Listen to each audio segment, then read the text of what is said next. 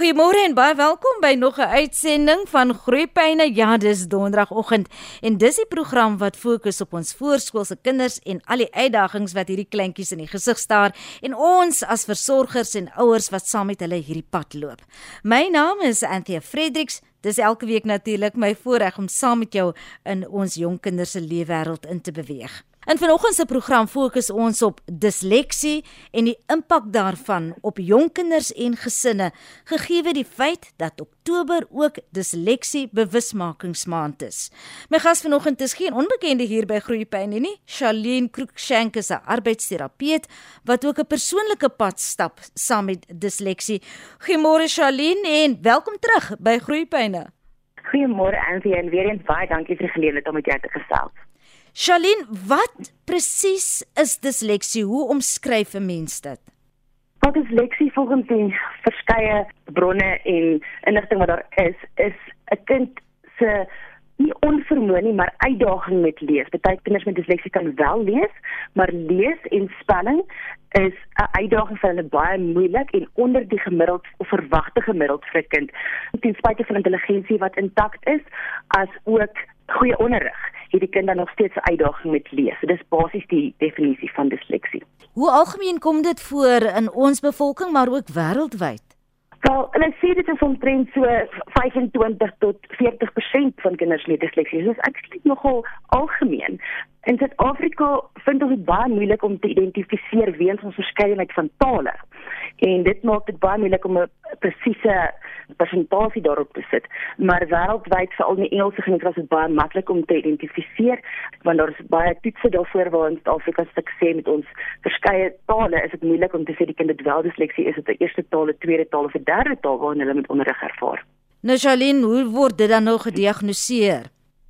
Al enige persoon wat regtig 'n diagnose kan maak so opvoedkundige sielkundige, hulle doen spesifieke toetse, gestandaardiseerde toetse om dit te identifiseer, maar ons kan wel van die jong ouderdom af sien is daar moontlike tekens dat die kind disleksie kan hê.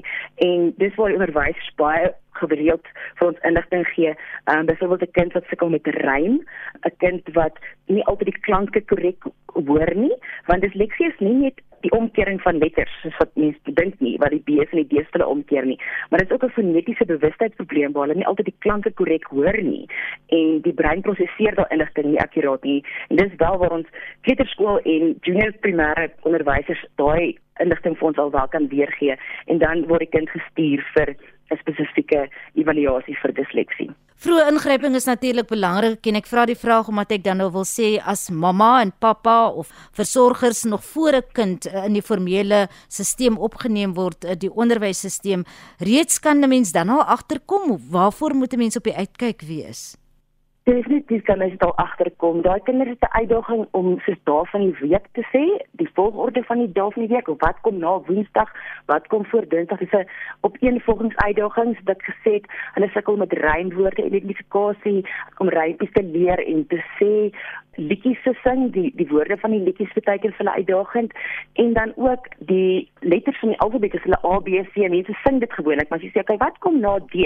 dan het daai kinders 'n daadwerklike probleem daarmee en ons sien ook gereeld dat daar 'n bilaterale integrasie koneksie daarmee is. Dis waar die twee lede van die liggaam moet saamwerk, so die linker en regter hemisfeer moet kommunikeer. So heel partykeer is ons sien dat hierdie kinders sukkel met huppel en kruip, al die bilaterale fietsry, daai motoriese aksies is op dan vir hulle moeilik. So die ouers kan dit al raak sien, maar ek wil weer eens sê dis met al die voriges moenie oordiagnoseer nie gaan soek eerder die hulp van 'n geïngeligte persoon om te kyk daarna as jy 'n moontlikheid sien van 'n uitdaging. En die ander ding is ook baie van die kinders met disleksie is laatpraters. Hulle spraakontwikkeling ten spyte van intakte gehoor is baie keer later as die norm.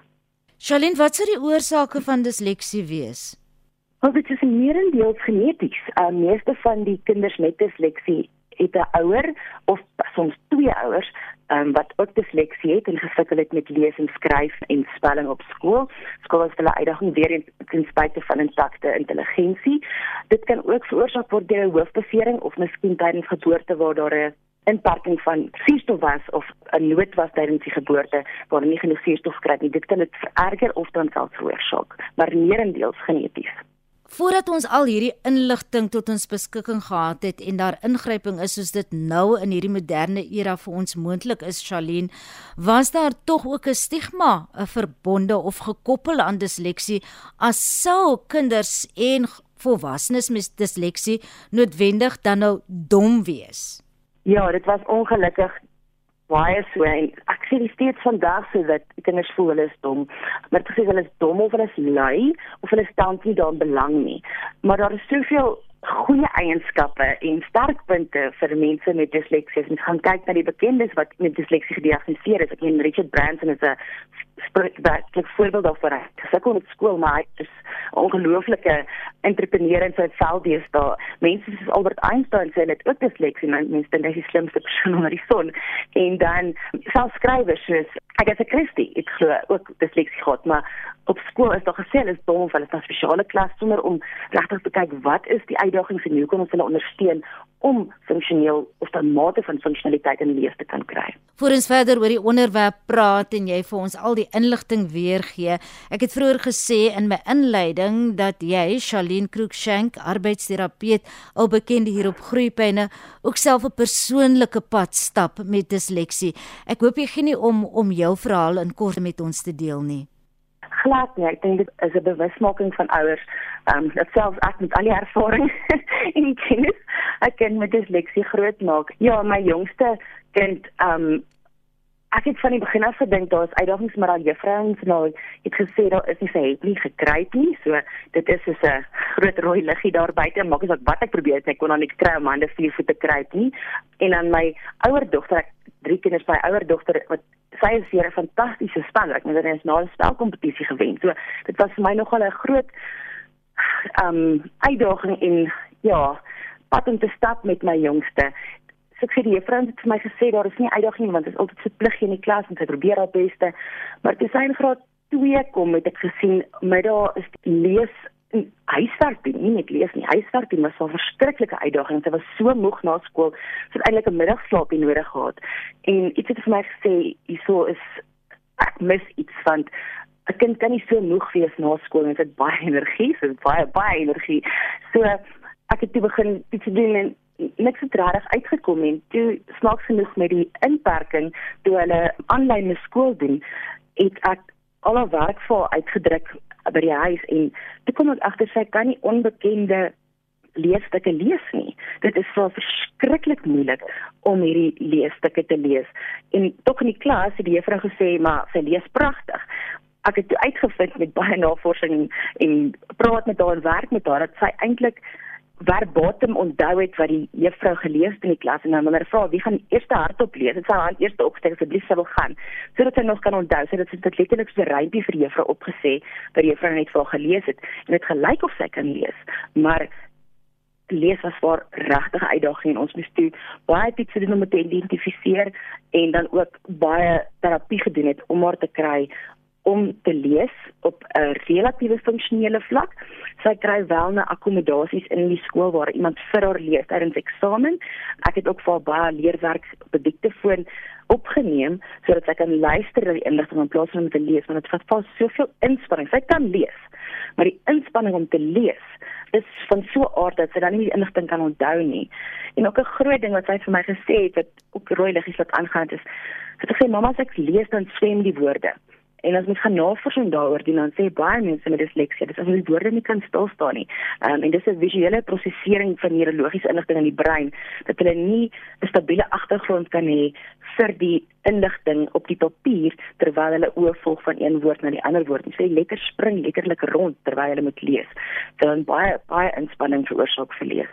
As ek nou so na jou luister, dan is daar een woord wat by my opkom of eintlik twee, geduld en empatie, want dis 'n pad om te stap, né? Nee.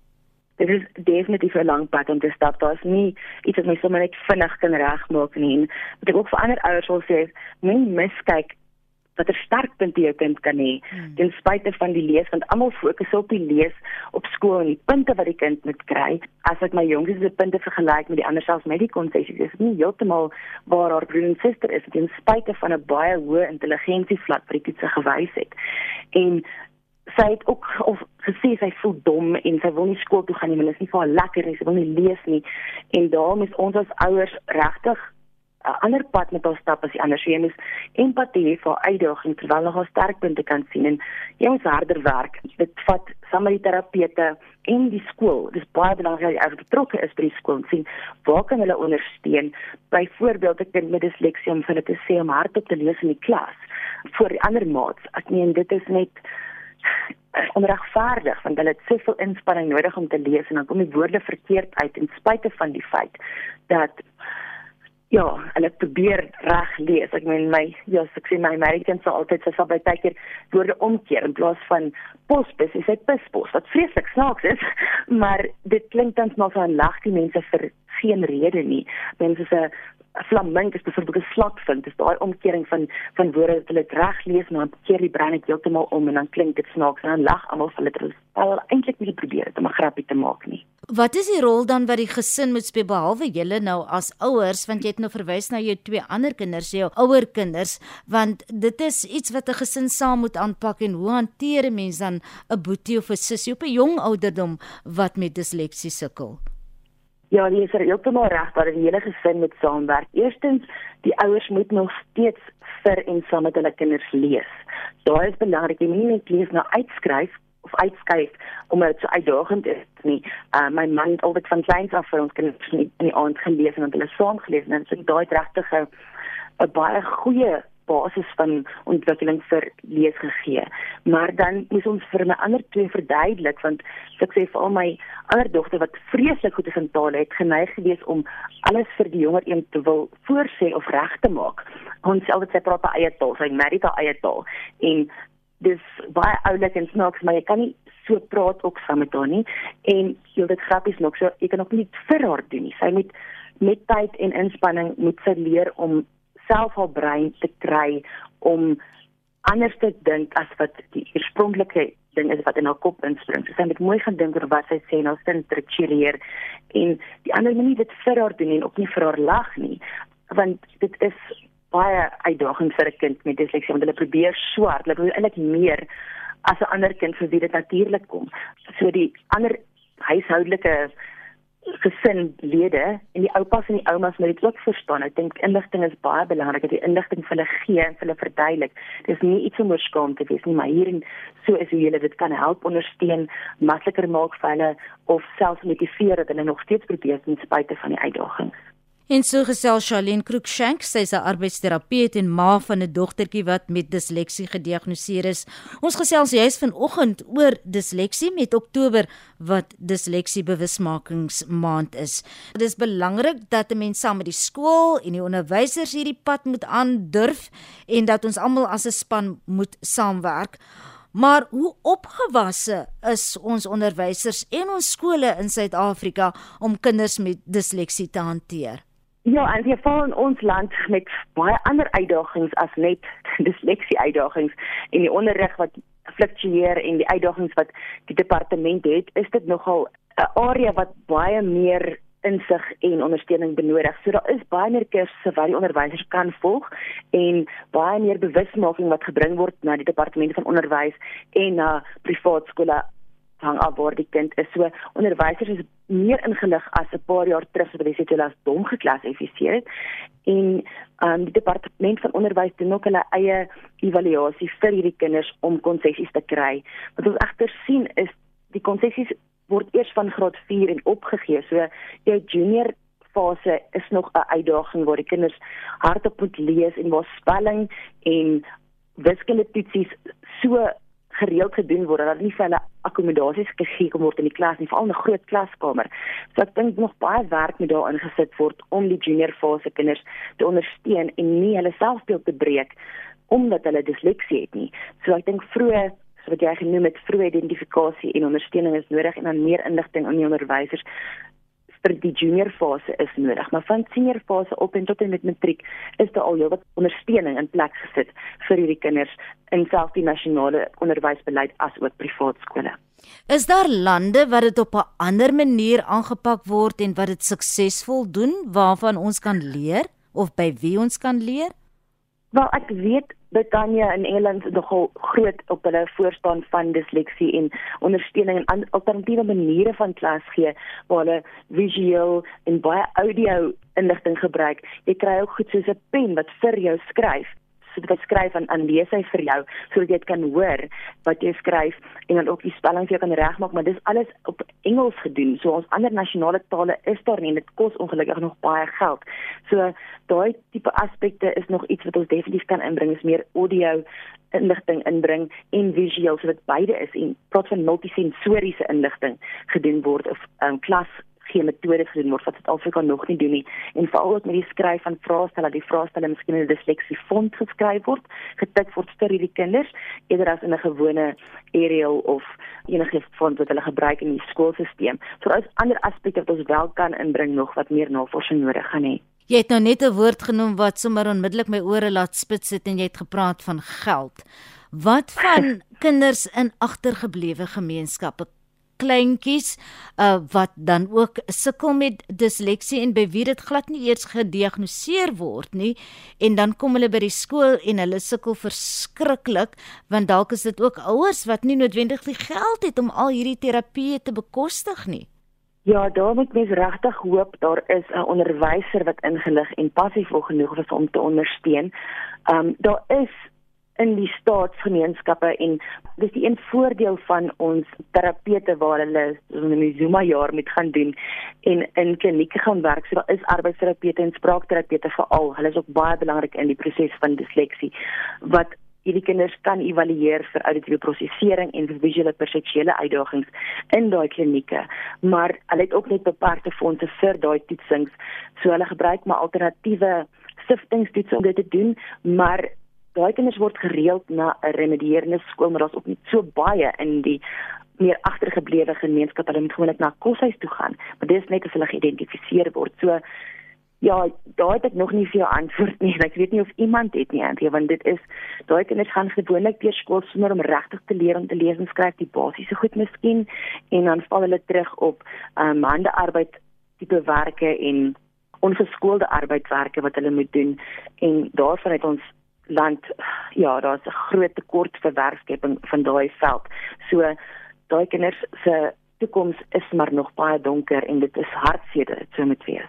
Behalwe die akademiese impak of die impak wat disleksie op 'n kind se akademie het, wat is die impak van disleksie op 'n kleintjie se emosionele welstand, se sosiale welstand? Ja, ons sien gereeld dat hierdie kinders baie vinnig selfvertroue verloor want hulle word geëvalueer volgens lees, skryf en en wiskunde doen op 'n bladsy en daai is daadwerklike uitdagings vir so 'n kind. En dan baie vinnig voel hulle dom en maatjies ongelukkig om weens 'n tekort aan inligting en bewustheid sal hulle sommer net spot daaroor en sê maar jy's dom. Ons sien baie keer dat die kinders self onttrek um, uit 'n groep uit want hulle voel onwaardig of nie goed genoeg om met hulle maats te sosialiseer op dieselfde vlak nie. Of ons sien dat die groep hulle ook uitskuif want baie keer is daar 'n spraak uitdaging met hulle woorde verkeerd sê of, of hulle interpreteer verkeerd wat die maat sê. En dan is daar 'n sosiale norm wat dan nie toepaslik is nie. So daai uitdagings is daarna wat ons wel ook soms sien is dat hulle begin met abnormale gedrag en stoute gedrag deur eider te boelie om hulle self te bewys of net sê luister ek kort hulp of net hulle frustrasie uit te leef. En dan ook kan hulle baie emosioneel as ek gesê dit is baie angs wat kan veroorsaak word vir die kinders want daagliks word hulle uitgedaag met iets wat hulle moeilik is. So hulle kan skool begin weier, hulle wil nie skool toe gaan nie, by skool kan hulle baie emosioneel wees as die juffrou iets vra en hulle sommer begin huil. En dan sê sê hierdie stoute gedrag is maar net 'n manier om te sê asseblief ek kort hulp, iets is fout. So daai moet dan verder ondersoek word as hoekom is hierdie kind se gedrag so ontoepaslik in 'n sosiale omgewing. Ons sien dalk aan die positiewe kant dat hulle baie goed is met sport.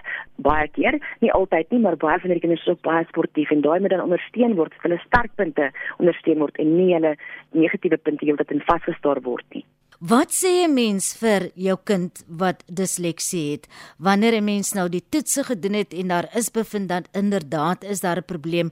Hoe het jy daardie gesprek om hierdie kind te laat verstaan daar is uitdagings, maar dit is nie onoorkomlik nie en ons stap die pad saam? Ja, dit is 'n ehm um, is 'n pad wat ek dink elke ouer self moet identifiseer. Ek kan 'n bietjie advies gee wat ons gedoen het en wat ek al gesien het met ander kinders werk, maar elke ouer ken sy kind die beste en weet watter beskrywing gaan werk want een gebruik normale taal, moenie groot woorde gebruik nie want alreeds is nuwe woorde en die konsep van begrip van hierdie woorde vir hierdie kinders se uitdagings gebruik basiese taal en begrip. Ons het gesê haar brein werk anders. So sy het nie altyd die vermoë om te hoor presies wat ons sê en die woorde korrek in volgorde sê nie. Um, ons het ook verduidelik dat daar is deel van haar brein wat nie heeltemal so goed werk soos die ander deel van haar brein. Ons gefokus veral op die deel van haar brein wat baie goed werk en sy het baie sterk punte en ons het veral daarop gefokus en ook iets gaan soek wat sy in goed is sodat ons onsself kan bou. Soos my dogter is baie goed met sport en verskriklik goed met dans. Dit is ongelooflik hoe sy dans so op eenvolging van van die bewegings kan onthou, maar sy kan nie die opeenvolging van woorde en letters en nommers onthou nie.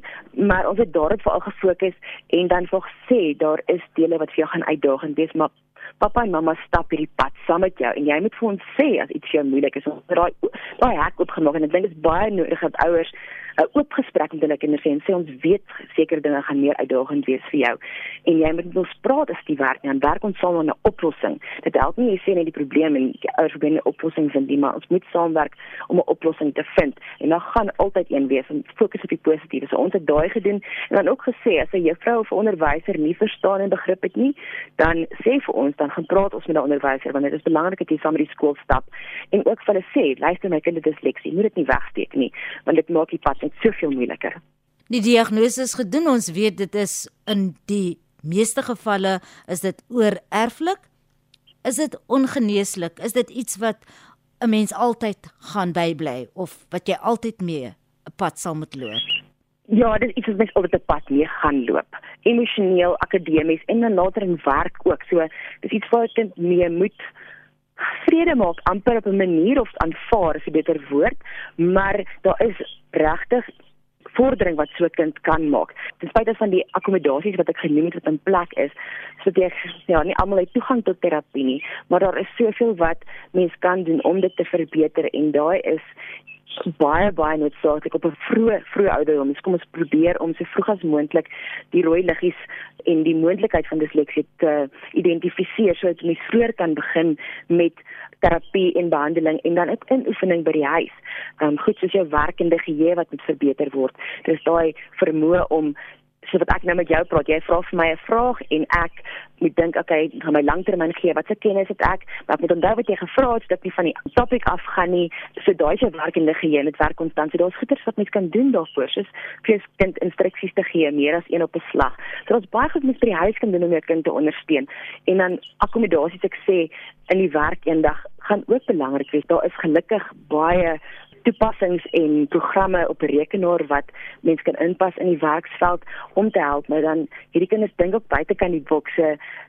Dis nie 'n doodsvonnis en 'n probleem vir die res van hulle lewe nie. Daar is regtig noodsaaklik om te fokus op die positiewe van hierdie kinders se breinfunksionering want idees van hierdie mense op tydker opkom is ongelooflik en heeltemal buite die boks want hulle moet soveel harder werk as jou kind wat nie disleksie het nie. En dis met daardie goed amper embrace en ondersteun en ontlont en verder ontwikkel sodat hulle dit kan gebruik in ons plek vir disleksie hulle noem dit disleksia thinkers of disleksie dinkers in die werksveld en hulle sê veral met vandag se ontploffing van inligting en tegnologie is jy juist daai buite die boks denkers nodig. So daar is 'n plek vir hulle en daar's regtig baie potensiaal vir hulle om 'n fantastiese lewe te hê.